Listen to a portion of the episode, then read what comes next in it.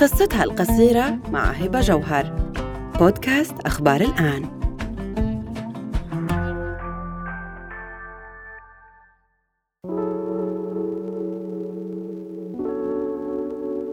كنت طول عمري أحلم إني بس أكبر أكون طبيبة أسنان عشان أصلح أسنان أبوي.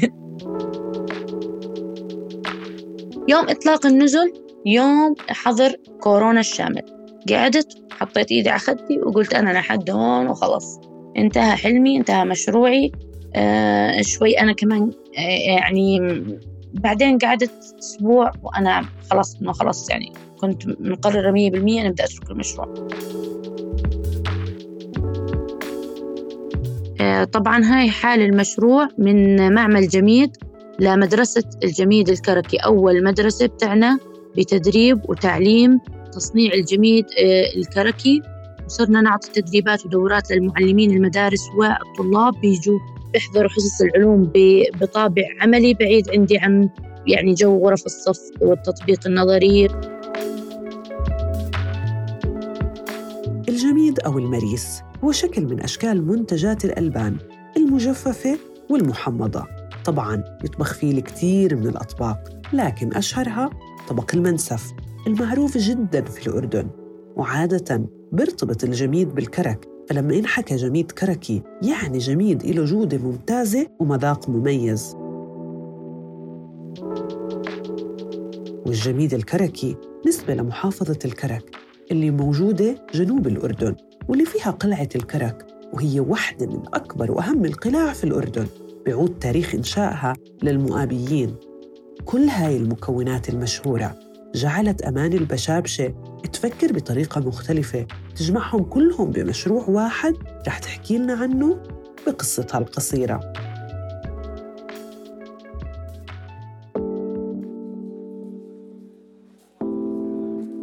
بيت الجميل الكركي أول نزل سياحي في محافظة الكرك مطل على قلعة الكرك. بلش كنزل سياحي بال 2019 القدرة الاستيعابية عشر أشخاص غرف مبيت ومساحات خارجية للتخييم تقديم طعام دورات وتدريبات وتجارب منسف صناعة المنسف طبخه والطبخ الشعبي وصناعة عندي الجميد من الألف إلى الياء بيع المنتجات ومشتقات الحليب بيع منتجات وحرف يدوية مساعدة للشباب والشابات في الكرك لترويج الحرف اليدوية المعاد تدويرها الصديقة للبيئة. هذا المشروع ما بدأ بسهولة. كان من وراه قصة. حلم أماني وهي صغيرة كانت تدرس طب أسنان لكن صار في تغير باهتماماتها عشان بعض الظروف اللي مرت فيها. أما تخصص دراستها في الجامعة فكان من اختيار والدها. كنت طول عمري أحلم إني بس أكبر أكون طبيبة أسنان عشان أصلح أسنان أبوي. بعدين شوي شوي لما كبرت صار في عندي اهتمامات في مجال المطبخ. يعني زي الصبايا هيك لما تبلش بدك تكبري وتصيري تفوتي على المطبخ. المطبخ التزيين القصص هاي كنت أسمع يعني بحب أطبخ وأشوف آراء الناس. هذا وأنا بالمدرسة.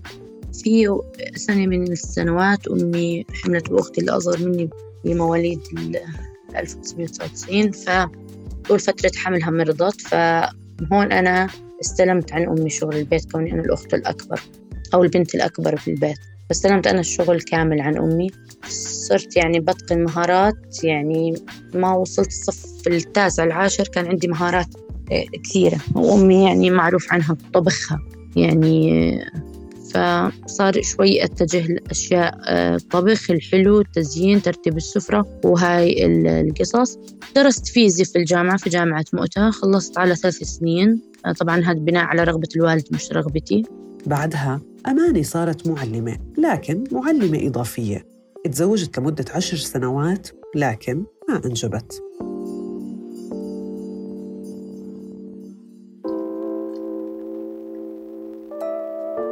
رحلة مشروعي أو فكرة مشروعي إنه زهقت من التعليم على حساب التعليم الإضافي وكنت بفترتها بتعالج هرمونيا عشان الحمل وزي زي أي ست بيت وبقرية بتسمعي ليش وليش وليش. صار عندي شوية هيك مرحلة إني اكتئبت وزاد وزني ومع العلاجات ووقت فراغ. يعني حتى الدوام يعني كنت 12 أكون في البيت وباقي الوقت كله فراغ. وزوجي عسكري كان دوامه أسبوع بأسبوع فكان عندي وقت فراغ كبير كبير. لقيت حالي بالتدريس أصلا يعني كمان مش الإشي اللي يعني يعني يعني مش شغفي نهائيا إنه يعني ماشي أنا شاطرة وخلصت على ثلاث وهيك بس مش شغفي إني أدرس في بيئة جامدة وإنه أكون أنا ناس يتحكم فيي وإنه هاي القصص ما أرضت شغفي ولا وكمان على الإضافي يعني. يعني بعطي عطاء المعلم الكامل وآخر إشي على الإضافي فتعرفت على صديقة إلي. ففي يوم من الأيام قالت أنت مثلا وقت الفراغ عندك كبير وفي عنا في مركز التنمية جمعية ألمانية دي في في لتعليم الكبار جاية تعمل عنا مشروع في مركز التنمية إيش تنزلي معي فنزلت معها وسجلت وتطوعت. طبعا من 2014 لغاية 2018 وأنا متطوعة معاهم مع مركز تنمية محي ومع الجمعية الألمانية للكبار. بعدين تعرفت على ناس من مبادرة ذكرى عن طريق الجمعية الألمانية. الأستاذ ربيع زريقات والدكتورة لما الخطيب. فشوي شوي صرنا نشتغل شغلات بعيدة عن تخصصي شغلات لها دخل بريادة الأعمال بالمشاريع كيف إنه تنعشي المجتمع اللي أنت فيه كيف تجدي أشياء تخرجي عفوا تفكري خارج الصندوق.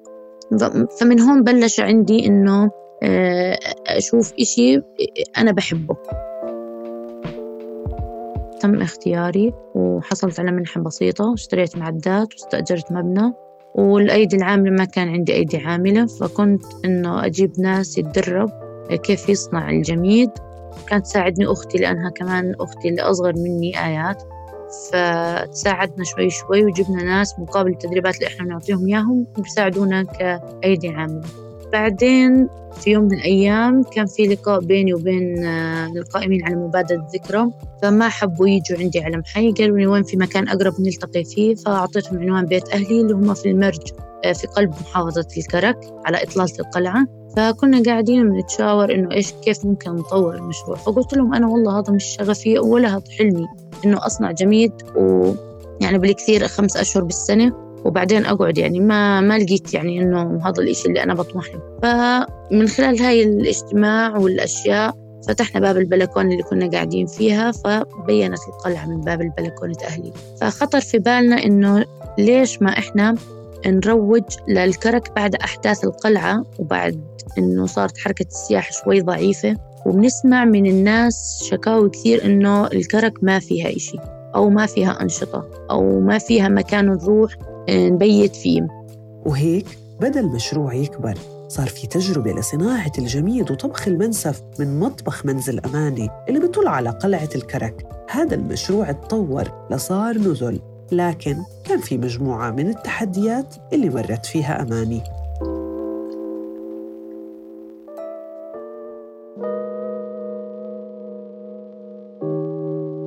التحديات أول تحدي والأكثر شهرة اللي بيجمع ما بين الشباب كلهم ريادي الأعمال اللي هو رأس المال. آه، بس ما خليته يكون إلي عائق بلشت من الصفر من تحت الصفر حتى. ما خليت تطوع ما خليت دورات وتدريبات واشتغلت على حالي شبكت سوقت المشروع بطرق تقليدية بالبداية. يعني طورت دائرة معارفي دورت وين الناس اللي ممكن يكونوا مؤثرين ويدعموني.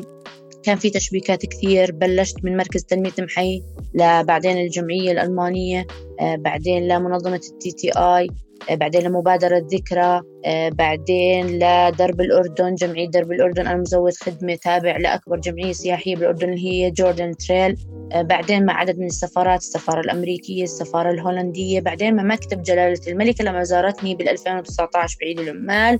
ها هون كانت النقطة اللي زي ما بتقولي هيك عملت يعني تحول بمشروعي. كانوا الناس كلهم واقفين ضدي كانوا الناس كلهم بيقولوا لي انت فاشلة. عشان ما كان في مردود كبير عشان ما كان في دخل عشان أنا كنت بحكي أشياء شوي يعني أكبر من الإشي اللي هم كانوا شايفين على الواقع. أنا كنت شايفة رؤية. يعني أنا مشروعي كان بلش كفكرة بال 2014 خرج للنور شوي معمل جميل بال 2017 صار نزل سياحي بال 2019 أنا بزيارة جلالة الملكة صار علي إسقاط صار لي ترويج لمشروعي صاروا الناس يعرفوني أكثر. آه، صارت الجهات الداعمة تدور وين أماني وين بيت الجميد إيش الفكرة صاروا يشوفوا إيش اللي ناقص.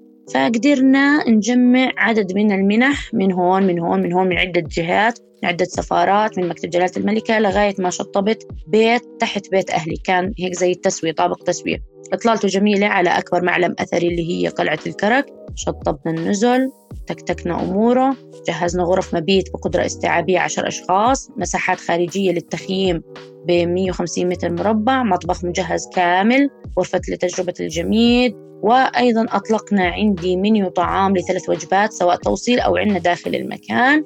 وزي عندي هيك متجر صغير لبيع منتجاتنا وأيضا عندي رفوف لدعم المشاريع الحرف اليدوية المعاد تصنيعها صديقة للبيئة. يوم إطلاق النزل يوم حظر كورونا الشامل. قعدت حطيت إيدي على خدي وقلت أنا لحد هون وخلص انتهى حلمي انتهى مشروعي. بعدين قعدت أسبوع وأنا خلاص إنه خلاص يعني كنت مقررة مية بالمية أنا بدي أترك المشروع. فخطر في بالي إنه أنا وأختي ليش ما نشتغل ونزيد عندي الإنتاج خلينا نشوف يعني صرت أقول إنه أبلش أروج للمشروع كمان على الصفحة عشان الناس إن شاء الله بعد كورونا صرت أقول لا أتفائل إنه كورونا رح ما رح تدوم إن شاء الله إلا تنتهي كورونا وأرجع أنا الناس أكون معطيتهم خلفية عن بيت الجميل يكونوا متشوقين إنه عشان نيجي نشوف إيش بيت الجميل إيش بيقدم خدمات بيت الجميل. فضاعفنا الإنتاج ودخل على الكرك مفهوم جديد اللي هو التوصيل أونلاين وشركات التوصيل فساعدونا الناس صارت بالبيوت. صاروا يطلبوا أغراضهم عنا اهتمينا شوي بالتغليف بالتعقيم وبهاي الإشي. فزاد عندي الضعف الإنتاج. فأنا كنت بشتغل بش... بأكثر مشروع بيشتغل بأكثر من نقطة. ركزنا بفترة الكورونا كان تحدي كبير إنه كان مع الافتتاح وإنه مبسوطين وبعد زيارة جلالة الملكة إجا عندي كورونا وأجلنا الافتتاح. بداية ما بلشنا الفتح الجزئي والهذا صرنا نقدم وجبات إفطار من منتجاتنا. صرنا صار في إقبال من أهالي الكرك وأهالي الأردن أكثر من السياح اللي كنا إحنا موجهين المشروع إلهم في, في البداية. آه بعدين صار المشروع ينعرف شوي شوي صار الناس يصير لهم المكان يجوا آه يحجزوا ساعتين خاصات. إحنا هيك يعني نظام الحجز عندنا يقعدوا يستمتعوا بالإطلالة بالجو صيف شتاء.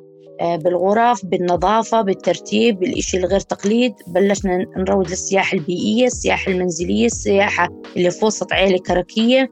آه، كيف بفوتوا معانا؟ بطبخوا بيقدموا الأكل بيشوفوا صناعة الجميد بيتعرفوا على قصص الجميد أسرار المنسف صناعته تقديمه تاريخ المنطقة وتاريخ الأردن وعاداتنا وتقاليدنا.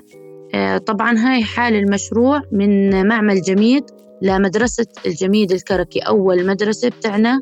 بتدريب وتعليم تصنيع الجميد آه، الكركي. وصرنا نعطي تدريبات ودورات للمعلمين المدارس والطلاب بيجوا آه، بيحضروا حصص العلوم بطابع عملي بعيد عندي عن آه، يعني جو غرف الصف والتطبيق النظري الصناعة الحفظ الفصل العزل التغليف. يعني كل الأسس العلمية اللي بتكون تابعة لمرحلة تصنيع الجميد. أحلام أماني كلها متعلقة في مدرسة بيت الجميد. حلمي إنه المشروع يكبر ويتطور ويزيد عندي عدد الغرف. الترس الخارجي عندي مساحته كبيرة تكلفته عالية تسكيره بالزجاج والقرميد عشان ما يحجب الإطلال لأنه نقطة الجذب أو القيمة المضافة لمشروعي بإطلالته برضه. على قلعة الكرك وإطلالته على جبل مقابل جبل يعني أمام القلعة. ففي حال إنه تسكر الترس عندي وصار عندي مناسبة بقدر أشتغل أنا بالسنة آه، طول السنة مش بس في موسم الربيع أو موسم عندي إنتاج الجميل